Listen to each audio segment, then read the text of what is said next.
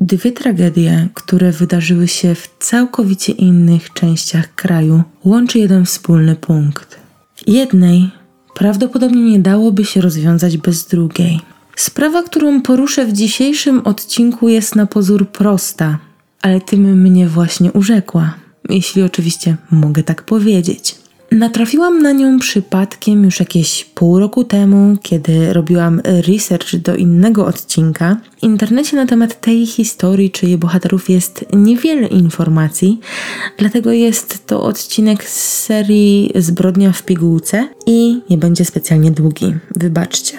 Okazało się, że całość opisana została w książce pana Jerzego Terendy i Bogusława Sygita Pitawal Bydgoski. W związku z tym moją pierwszą myślą było zamówienie swojego egzemplarza, ale niestety mieszkam za granicą i za każdym razem, gdy ktoś przyjeżdżał z Polski, moja kochana siostra zapominała włożyć mi ją do paczki i tak książka przeleżała kilkanaście tygodni u niej, a sprawa wisiała w powietrzu.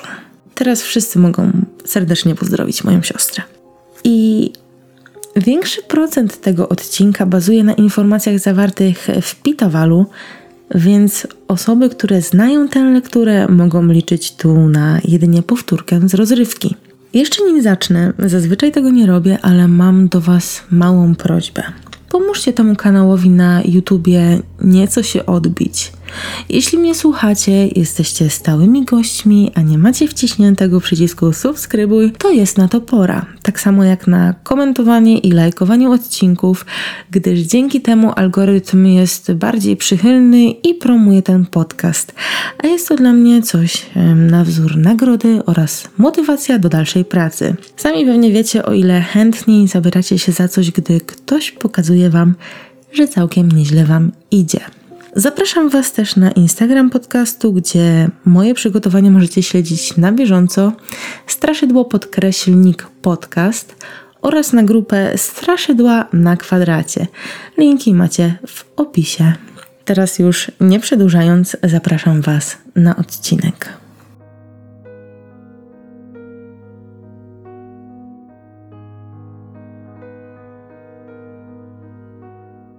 Tym razem, jak już pewnie się domyśliliście, zabieram Was w okolice północnej Polski do Bydgoszczy.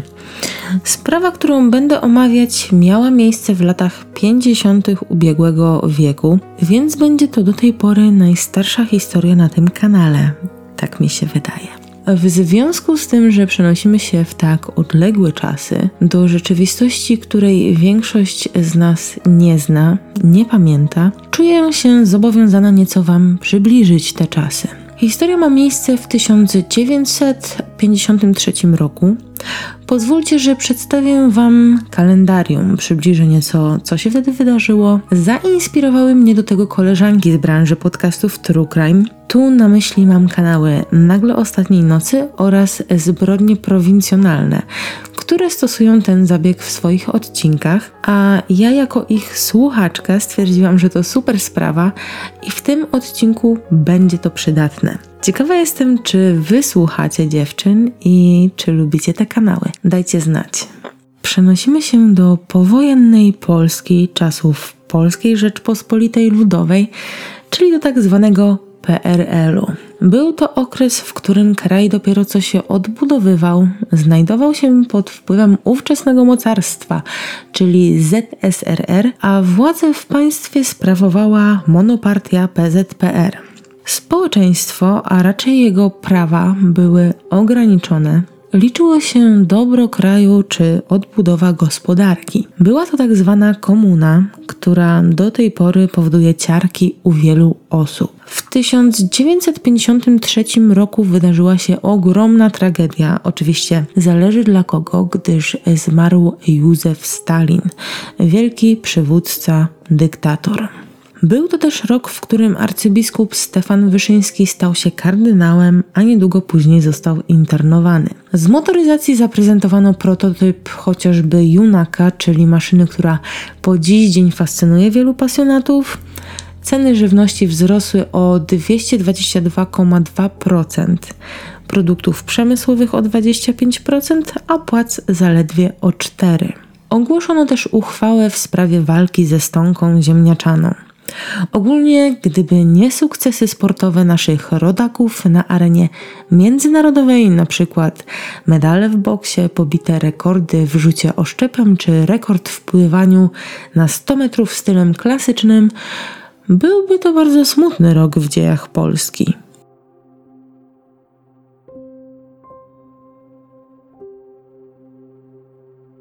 Był to też bardzo smutny rok dla pewnego młodego mężczyzny, który jest głównym bohaterem naszej historii. W poniedziałek 11 maja 1953 roku była paskudna pogoda. Padał siarczysty deszcz, było szaro-buro to właśnie tego dnia oficerowie milicji postanowili zaczaić się na Zenona, który już od dłuższego czasu był na ich celowniku. Co prawda na początku szukał go oddział wrocławski za spiskowanie w organizacji antypaństwowej, ale zanim zdążyli go ująć, ten zbiegł do Bydgoszczy, skąd pochodził i ukrywał się u swoich rodziców. Tam funkcjonariuszy się nie spodziewał, był zaskoczony i na ich widok od razu rzucił się do ucieczki. Mimo oddanych w jego stronę aż 11 strzałów, Zenon uciekł. Podczas rewizji ujawniono, że w mieszkaniu rodziców Kelm miał skrytkę pod podłogą szafy, gdzie ukrywał się przed sprawiedliwością. 12 maja, czyli dzień po ucieczce mężczyzny, jakaś dobra dusza go wsypała i ujęto go na ulicy Grunwaldzkiej. Jak się okazało, nie miał przy sobie dowodu osobistego, co nieco utrudniło zatrzymanie, gdyż Zenon twierdził, że na nazwisko ma Kawczyński, a poszukiwany przez milicję nazywał się Kelm. Nie jest nigdzie dokładnie wyjaśnione, do jakiej organizacji miał należeć, ale jak wiemy, w tamtych czasach wszelakie działania na niekorzyść dobra partii były z góry traktowane jak ciężkie przestępstwo.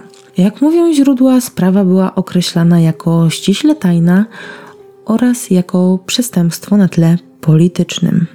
Kiedy Zenon znajdował się w areszcie, okazało się, że lista jego występków nie kończy się na tym jednym, ale jest dość długa. Podczas przeszukania domu wyszło na jaw, kto okradał sąsiadów, kto obrabiał działki aż przy czterech różnych adresach. Można powiedzieć, że miał diabła za skórą. Kiedy obowiązywała służba wojskowa, Zenon za bardzo się nie kwapił, żeby takową odbyć. Jak ją ominął? Wysłał na komisję poborową kolegę, który miał problemy ze wzrokiem. Dał mu podrobioną książeczkę i go zaszantażował. Oczywiście w tamtym czasie dużo łatwiej można było podrobić dokumenty, ale to tylko obrazuje, jak na bakier był z prawem. Przestępstwa polityczne, kradzieże. W toku śledztwa okazało się, że Zenek ma na swoim sumieniu jeszcze gorszą zbrodnię. Cofnijmy się miesiąc wstecz. Teresa S., mieszkanka Bydgoszczy, 2 kwietnia 1953 roku zaginęła bez wieści. Jak wynika ze źródeł, miała w tamtym momencie 20 lat. Była dziewczyną kontaktową, towarzyską, ale też niezwykle zdyscyplinowaną, co ma pewne znaczenie, jeśli chodzi o dalszą część tej historii. Jeśli chodzi o jej walory, raczej nie mogła narzekać na brak zainteresowania ze strony panów. Można powiedzieć, że wszystko miała na swoim miejscu. Z zeznań wywnioskować można, że umawiała się czasem na randki z mężczyznami, ale raczej nie przechwalała się co i jak. W tamtym czasie podobno spotykała się z kimś systematycznie, wiązała z tą osobą przyszłość, a nawet planowała ślub. W wieku 17 lat rozpoczęła swoją pierwszą pracę w domu towarowym. Później w wieku 20 lat przeniosła się do sklepu centrali odzieżowej przy ulicy 1 Maja w Bydgoszczy. Centrale odzieżowe były to przedsiębiorstwa państwowe, których przedmiotem było, i tu cytuję, zarządzenie z 1948 roku. Planowy zakup i planowa sprzedaż w kraju i za granicą wszelkich artykułów odzieżowych i dziewiarsko-pończoszniczych. Zakup i sprzedaż artykułów odzieżowych i dziewiarsko-pończoszniczych produkowanych przez przedsiębiorstwa nadzorowane przez Centralny Zarząd Przemysłu Odzieżowego i Centralny Zarząd Przemysłu Dziewiarsko-Pończoszniczego dokonywane przez centralę na zasadach wyłączności. O ile jeszcze się nie zgubiliście, to chodziło po prostu o sprzedaż ciuchów i bielizny. Oczywiście wszystko to państwówka. A ja prawie połamałam sobie język. Ze względu na silny charakter Teresy oraz jej rzetelność, często proszono ją o nieco poważniejsze rzeczy, jak kasowanie zakupów czy zanoszenie dziennego utargu do banku. Również 2 kwietnia kobieta została poproszona o doręczenie pieniędzy do placówki. Jednak nie wszystko tego dnia było takie samo jak zwykle. Według Pitowala Bydgoskiego oraz zeznań bliskich jej osób, dwudziestolatka wyszła do pracy wcześniej niż zwykle. Matka była nieco zdziwiona, bo Teresa ubrała się w tak zwany odświętny strój, który zazwyczaj ubierała na niedzielę czy na inne wyjątkowe okazje. Był to granatowy kostium, popielata bluzka w paski. Co ważne i do zapamiętania, na nogach miała zacerowane nylonowe pończochy. Wychodząc, wzięła ze sobą zielony płaszcz. Wyszła wcześniej niż zazwyczaj, bo już o godzinie szóstej. Matce powiedziała, że wróci później, gdyż po pracy wybierała się do teatru. Z kim? Tego nie ustalono. Wszyscy zauważyli, że była wyjątkowo podekscytowana przez cały dzień. Pod koniec pracy zadowolona przechadzała się między sklepowymi półkami i wybrała dla siebie jedwabny komplet bielizny oraz koszulę nocną. Później Teresa wraz z dwiema koleżankami z pracy została poproszona o zaniesienie utargu do banku. Spakowała pieniądze do torby i ruszyły.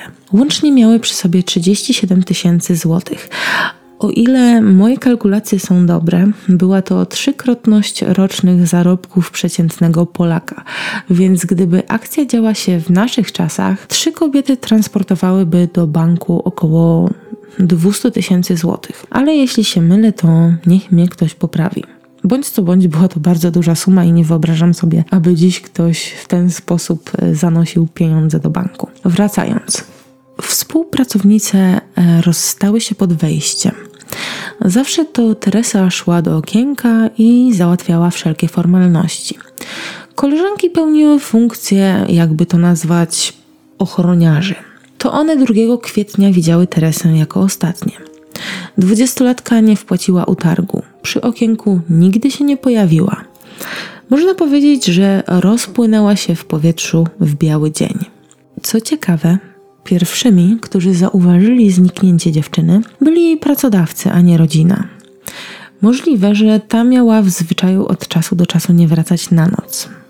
Ze względu na to, że były to czasy takie, a nie inne, dla społeczeństwa kobieta towarzyska, mówiąc lekko, była traktowana z góry, więc może za specjalnie rodzice nie chcieli obwieszczać całemu światu, że córka nie wróciła na noc? Nie wiem. Pracodawcy zgłaszając zajście na milicję byli niedaleco źli o utratę gotówki, ale wyjątkowo zaniepokojeni, gdyż, tak jak już mówiłam, Teresa była skrupulatna i uczciwa. Niestety ślad po kobiecie urwał się w budynku banku i nie było możliwości zaczepić się czegokolwiek, co nakierowałoby funkcjonariuszy na odpowiedni trop. Po czasie pojawiły się plotki, że Teresa od dawna mówiła o wyjeździe, Podobno chciała przenieść się do większego miasta, zacząć żyć na własny rachunek, dlatego życzliwi jej ludzie zaczęli snuć domysły, że ta ukradła pieniądze i oderwała się od dotychczasowego życia. Według doniesień chciała przenieść się do Warszawy lub Krakowa. Miała wspominać coś o Nowej Hucie, która dopiero wtedy stawała na nogi, dlatego jak wspomina Gazeta Wyborcza, w wielu komisariatach zawisło zdjęcie z podobizną dziewczyny, a milicja przede wszystkim w województwie małopolskim wypatrywała jej na ulicach miast. Zaczęto obserwować jej bliskich, w razie gdyby ktoś kontaktował się z kobietą. To był jednak fałszywy trop i im więcej czasu mijało, tym bardziej ta teoria stawała się mało prawdopodobna. Natomiast śledczy, który prowadził tą sprawę, cały czas zastanawiał się, dla kogo i dlaczego Teresa tego dnia ubrała odświętny strój z kim miała się spotkać. I tu właśnie drogi obu postaci się krzyżują. Nie bez powodu zaczęłam tę historię od ujęcia Zenona Kelma. Kiedy ten został zatrzymany miesiąc po zaginięciu Teresy, jak już wiecie, z całkowicie innego powodu, okazało się, że para się znała, a co więcej, było między nimi uczucie. Pierwszy podejrzenia rzucił Franciszek M., który odegra w tej historii bardzo ważną rolę. Swoją drogą ze źródeł wnioskuję, że mężczyzna był czymś w rodzaju cichego obserwatora. Dziś nazwalibyśmy go osiedlowym monitoringiem. On, jak i kilku innych świadków, twierdził, że kobieta była wręcz w Zenonie zakochana. Każdego dziwiła ta relacja, gdyż wiadomo, jaką opinię miał mężczyzna. Teresa natomiast była jego odwrotnością. Cytując Pitawal, Świadek dziwił się, że taka porządna dziewczyna jak Teresa S. utrzymywała znajomość z Zenonem K. Związek rozpaść miał się przez udział Kelma w organizacji politycznej, za którą zresztą był później ścigany. Kobieta miała obawiać się, że i ona zostanie z czasem powiązana z nielegalną działalnością. Jak już wiemy, potem poznała innego mężczyznę i planowała z nim przyszłość. Jednak pojawiły się kolejne dowody, które przemawiały za winą zatrzymanego Zenka. Przede wszystkim fakt, że po zaginięciu kasjerki, jego konkubina, czy jak to określają źródła, uboga narzeczona, miała nagle pieniądze na komplet nowiuśkich mebli. Tak na marginesie, pierwszy raz przygotowuję odcinek bazując na książce, która ma tyle lat co moja siostra. I mimo poważnego tematu od czasu do czasu zaśmieje się pod nosem z ówczesnego nazewnictwa, chociażby z tej ubogiej narzeczonej. Wracając. Krystyna W. zarzekała się, że meble dostała od dziadka. Mówiła tak też o nowej koszuli nocnej, komplecie bielizny, kiedy przeszukano jej dom. Głównym dowodem były pończochy, które były zacerowane. Domyślacie się, kto w dniu zaginięcia miał na sobie takie właśnie pończochy? Szef na materiale rozpoznała matka Teresy. Krystyna cały czas zmieniała zeznania, chociaż wszyscy sugerowali, że jej dziadek żył z renty i nie było go stać na takie prezenty. Ten, by chronić wnuczkę, tylko jej przytakiwał. Dopiero gdy właśnie matka zaginionej rozpoznała rzeczy, uboga narzeczona potwierdziła, że bieliznę dostała od swojego partnera w prezencie na Wielkanoc. Kelmowi natomiast, czyli naszemu antybohaterowi, trochę jakby zaczęło się wtedy palić pod nogami. Kradzieże, włamania, przynależność do podejrzanej organizacji i nagle do tej listy wszyscy zaczęli dopisywać morderstwo. Mężczyźnie wytoczono proces. Był on początkowo poniekąd poszlakowy, ale jednym z głównych świadków był sam brat oskarżonego, który złożył obszerne i szczegółowe zeznania. Zresztą podobno zanim jeszcze Zenona ktokolwiek podejrzewał, ten sam brat miał powiedzieć matce Teresy, że tu cytując, ma się nie martwić, bo on będzie pierwszym świadkiem. Teraz pozwólcie, że zeznania brata zacytuję w całości z Pitawala, gdyż tam zostały one opisane chronologicznie.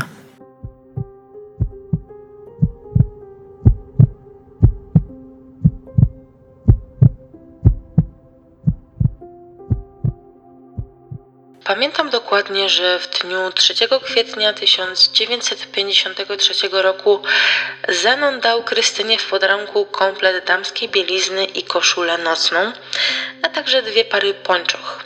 Pończochy były używane i nosiły ślady cerowania. 2 kwietnia rano brat wyszedł gdzieś na miasto, ale nie wiem dokąd.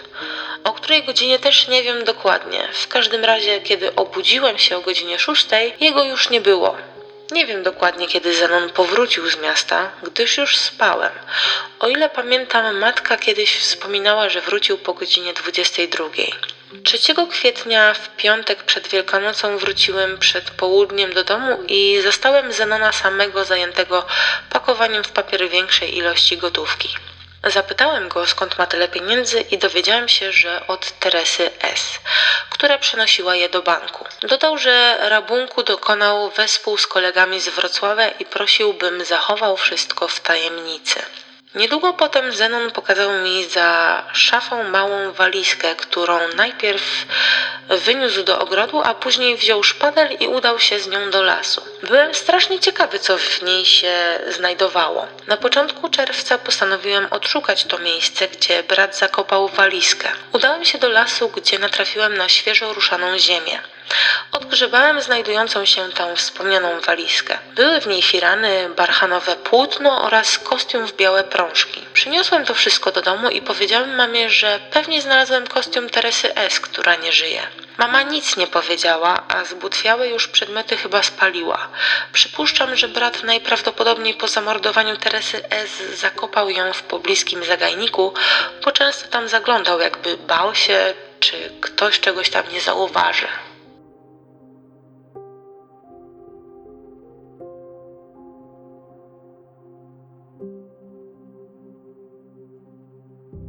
Zenon nawet po tych zeznaniach cały czas szedł w zaparte. Twierdził, że to nie on, że z zaginięciem Teresy nie miał nic wspólnego. Było to słowo przeciwko słowu, gdyż mimo mobilizacji milicji nadal nie odnaleziono ciała. Podejrzewano, że znajduje się ono we wspomnianym lesie, ale mimo tego, że funkcjonariusze przeszukali go wzdłuż i wszerz, nawet y, z jego bratem, to i tak nie natrafili na nic sensownego. Sprawa utknęłaby w martwym punkcie, gdyby nie Franciszek M., czyli leśny superman z Bydgoszczy. Według relacji znał te okolice od podszewki i potrafił określić, co zmieniło się w krajobrazie.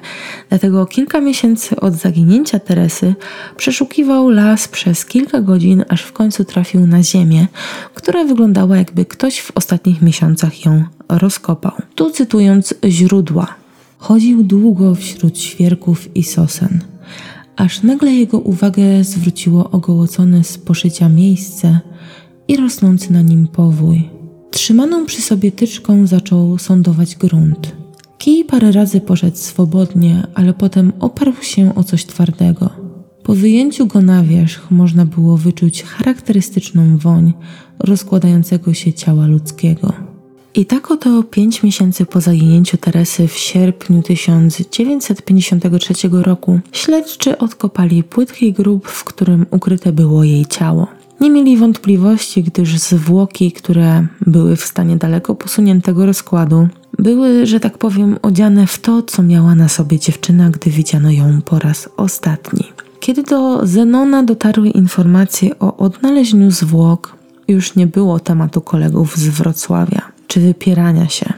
Mężczyzna przyznał się do zabicia Teresy z oczywiście bardzo błahego powodu. Chciał ją okraść i wiedział, że ta często transportuje utarg z miejsca pracy do banku. Podobno miał namówić ją do wspólnej ucieczki i tylko dlatego Teresa nigdy nie pojawiła się przy okienku kasy. Swoje czyny tłumaczył ciężką sytuacją materialną, gdyż oprócz narzeczonej na utrzymaniu miał przecież jeszcze dziecko. Prokuratura zebrała akta, miała wiele dowodów, głównie poszlakowych, zeznania świadków, motyw, relacje, jakie łączyły go z ofiarą, czy łupy, które znaleziono w domu jego partnerki. Swoją drogą tytuł artykułu w internecie, który jest tytułem rozdziału Pitawala Bydgoskiego, jak komplet jedwabnej bielizny zdradził sprawcę mordu młodej dziewczyny, był dla mnie na tyle intrygujący, że postanowiłam zrobić research i opowiedzieć Wam o losach Teresy. Ale jeśli myślicie, że to już koniec, to nie.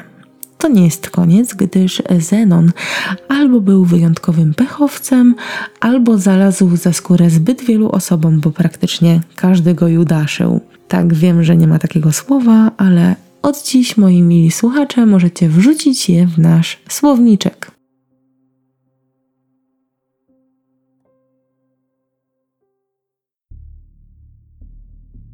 Kilka lat wcześniej, około roku 49, Zenon oczarował swoimi wdziękami jeszcze jedną młodą kobietę, która dziwnym trafem również zaginęła bez wieści, co podczas śledztwa przykuło uwagę prokuratury. Jak już wiemy, Kelm przez jakiś czas przebywał w okolicach Wrocławia. W tamtym czasie mieszkał w niewielkiej wsi Marszowice, która dziś jest dzielnicą tego miasta. Pozdrawiamy Wrocław. Mieszkała tam też młodziutka Helena. Dziewczyna miała zaledwie 17 lat, ale nie wiem, czy w momencie, kiedy para się poznała, czy w momencie, gdy już ta zaginęła. Faktem jest, że Zenon kobietę w sobie rozkochał, a ona potrzebowała miłości, gdyż była sierotą i zapewne liczyła, że związek z Kelmem jakoś niepowodzenia życiowe jej zrekompensuje. Zenon zamieszkał w domu, którego właścicielami byli opiekunowie siedemnastolatki. W związku z tym para spędzała ze sobą wiele czasu i to uczucie było nieuniknione. On był dla niej jedynym, ale ona dla niego nie. To był jeden z powodów do kłótni. Helena była o Zenona zwyczajnie zazdrosna. Swoją drogą zastanawiam się, jakim człowiekiem był, jeśli chodzi o sferę uczuciową, gdyż rozkochiwał w sobie każdą napotkaną kobietę. Przynajmniej tak twierdzą źródła. W pewnym momencie okazało się, że dziewczę jest w ciąży, co wcale nie było dobrą dla Zenona wiadomością. Mężczyzna jednak postawił wszystko na jedną kartę. Postanowił zaopiekować się ciężarną Heleną i wyjechać razem z nią do większego miasta, by tam zacząć wszystko od nowa. W dniu zaginięcia Heleny w 50 roku jej opiekunowie widzieli, jak opuszcza dom wyszykowana w najlepsze ciuchy. Mm, skąd to znamy? Dziewczyna wraz z Zenonem oraz jego bratem Leszkiem spotkali się na dworcu we Wrocławiu, ale przed wyjazdem wzięli taksówkę i pojechali coś załatwić. Brat Zenona rozstał się z parą i wrócił do Marszowic, natomiast Helena przepadła bez wieści.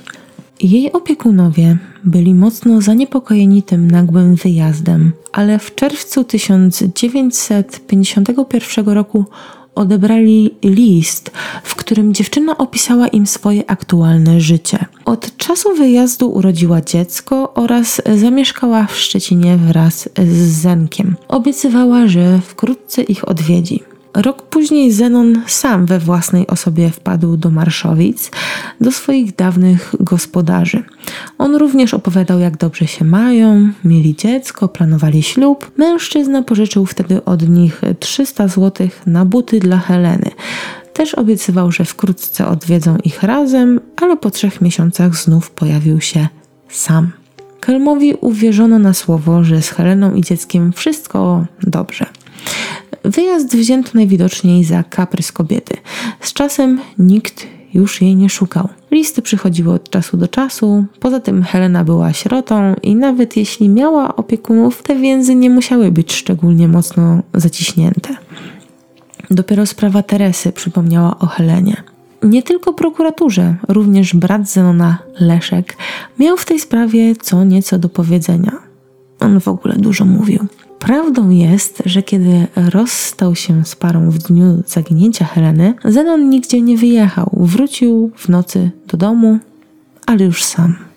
Byłem w domu około godziny 24. Zjadłem kolację i położyłem się spać. Po upływie około trzech godzin przyszedł brat. Zauważyłem, że był bardzo podniecony i zdenerwowany. Nie kładł się do łóżka. Zdjął obuwie i zaczął szybko chodzić po pokoju. Obserwując jego zachowanie, doszedłem do wniosku, że stało się coś niedobrego. Pomyślałem, że Zenon pewnie zamordował Helenę. Zeznał Leszek. Swoją drogą ten też był niezłym gagatkiem, że z taką łatwością brata sprzedawał. Co z listami, które przychodziły do bliskich Heleny? Zenon kazał jej je napisać jeszcze, gdy żyła. Później jeździł do Szczecina, by stamtąd wysyłać listy do Wrocławia. Mężczyzna przyznał się do tego morderstwa. Sam wskazał miejsce, gdzie ukryte były jej zwłoki. Jaki był powód? Kelm jako dwudziestolatek nie był gotowy na dziecko i nie chciał wiązać się z Heleną na stałe. Obiecał jej wyjazd do Bydgoszczy, a ta wierzyła mu do samego końca. W zależności od źródeł proces ruszył 21 kwietnia 1954 roku lub się tego dnia zakończył. Nie jestem w stanie tego określić, gdyż to naprawdę skrajna informacja, która pojawia się tylko w dwóch artykułach. Podczas procesu udowodniono Zenonowi dwa morderstwa i wyrok nie mógł być inny jak skazanie na śmierć poprzez powieszenie. Próbowano jeszcze powoływać się na niepoczytalność sprawcy, ale wniosek, który napisała obrona, został przez Sąd Wojewódzki w Bydgoszczy odrzucony. Kelm został skazany również za inne przewinienia, a ich lista była naprawdę długa. Przed śmiercią błagał o litość, jednak nie skorzystano z prawa łaski. Wyrok wykonano w sierpniu tego samego roku, czyli bardzo szybko. W momencie śmierci miał zaledwie 24 lata. I tak kończy się historia bydgoskiego Kasanowy. Człowieka przebiegłego jak lis, ale jak się okazało, w swoim otoczeniu miał za bardzo rozgadanych ludzi. W pewnym momencie przygotowywania tej sprawy zastanawiałam się tylko, czy Zenon był całkowicie winny tym morderstwom, bo bo przecież skąd jego brat posiadał tyle informacji? Dlaczego Franciszek rzucił niby od niechcenia o relacji Kelma z Teresą, a sam później odnalazł miejsce pogrzebania zwłok? Przez myśl przeszło mi nawet, że ze względu na swój bogaty życiorys e, przestępczy, Zenon mógł być kozłem ofiarnym. Ale komentarz zostawię Wam. Dajcie znać, czy lubicie takie stare sprawy, które momentami ze względu na podejście społeczne do przestępców brzmią w zapiskach absurdalnie i nieco groteskowo. Ja się z Wami żegnam, dziękuję, że ze mną jesteście i przypominam o obserwacji kanału na Instagramie Straszydło Podkreślnik Podcast oraz do dołączenia do naszej grupy Straszydeł. Dziękuję jeszcze raz, pozdrawiam i trzymajcie się ciepło. Papa. A może nie ciepło, bo jest naprawdę gorąco.